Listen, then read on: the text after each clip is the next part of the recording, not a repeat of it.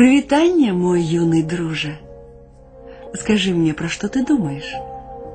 Про подорожье у спякотную Африку. Милый мой летутейник, твоя мара, конечно ж, здейснится. Только крыху подрасти, да подвучыся. Ну а зараз няхай краіна джунгляў сама прыйдзе да цябе ў госці. І прыйдзе яна ў казцы. Таму сядай зручней і слухай уважліва.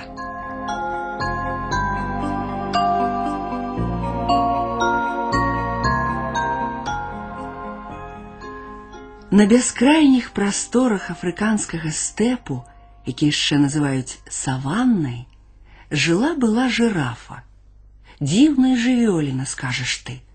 Павер, што тое ж самае казалі і суседзі нашай жирафы. А ўсяму прычынай была яе звышнатуральная летуценнасць. Глядзі, глядзі, бурчаў з ракі бегемот. Ідзе і ног пад сабой не бачыць. Дзіва што, падхопліваў размову кракадзіл. Адгадавала себе такую даўжэзную шыю, толькі з птушкамі і размаўляю, ну а птушкі, як вядома, істоты несур'ёзныя. Бегемот, конечно ж, пагаджаўся з кракадзілам, і абодва зашываліся ў глей, каб не бачыць гэтай даўгалыгай плямістай дзівачкі. І трэба сказаць, што і кракадзіл і бегемот гаварылі чысцюткую праўду. Калі ўся саванна была занятая пошукамі ежы, дзівачка жирафа летуценна блукала сярод рэдкіх дрэў і, прыжмурыўшы вочы, марала. Ёй мроіліся невядомыя краіны і звяры, непадобныя да тутэйшых. Здавалася, яны клікалі жирафу, прывітальна матлялі хвастамі і паважна ківалі галовамі, быццам казалі: добрый дзень, шаноўная жирафа. Гасцюйце ў нас, колькі вам захочацца. І гэты цудоўны паўсон працягваўся да тае пары, пакуль аднекуль знізу не чуўся раздражнённы піск. Глядзі пад ногі, няўклюда! Ой, прабачце, калі ласка, спалохана ўсклікала жирафа і азіралася па баках. А вакол яе кішэў, бегаў, крычаў і галёкаў на розныя галасы звычайны афрыканскі дзень.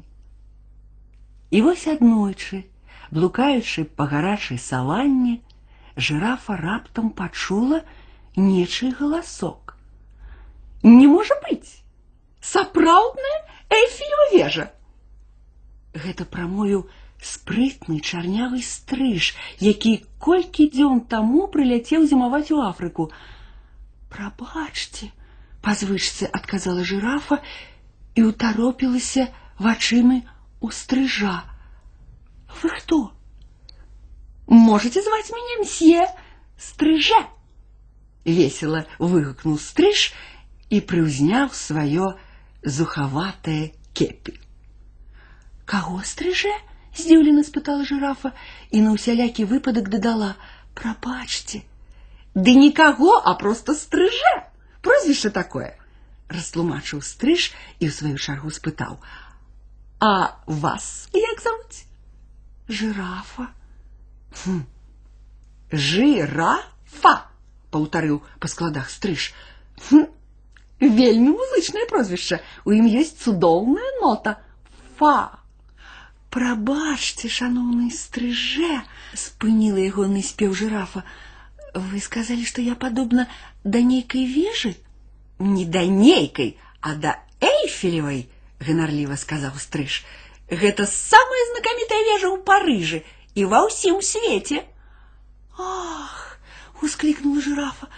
Як бы я хацела пабачыць свет і прывітацца з эйфелевай вежай. Можа, і я стану гэткай же знакамітай. Галоўнае паспець на параход, важна сказаў стрыж, і толькі ён так сказаў, як звычайна павольная жирафа з усіх ног пабегла да мора. З таго выпадку прайшоў год. І за гэты год жыхары саванны неяк непрыкметна засумавалі. Ніхто больш не наступаў на галовы суслікам і не ўздыхаў летуценна ах ах і ўвогуле не было пра каго пагаварыць і папляткарыць і ўсе толькі тое рабілі што пыталіся а дзе наша жирафа яна з'ехала на параходзе ў парыж раптам пачуўся тоненькі галасок Гэта быў месье стрыжэ ці проста стрыж, які зноў гасцяваў у саванне. У Парыж перапытаў стрыжа стары мудры слон. Дзіўна.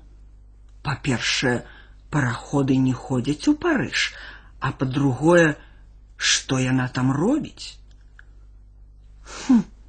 Яна паехала ў госці да сваёй стрыечнай сястры. Эйфелевой вежы, отказал гонорливый стриж.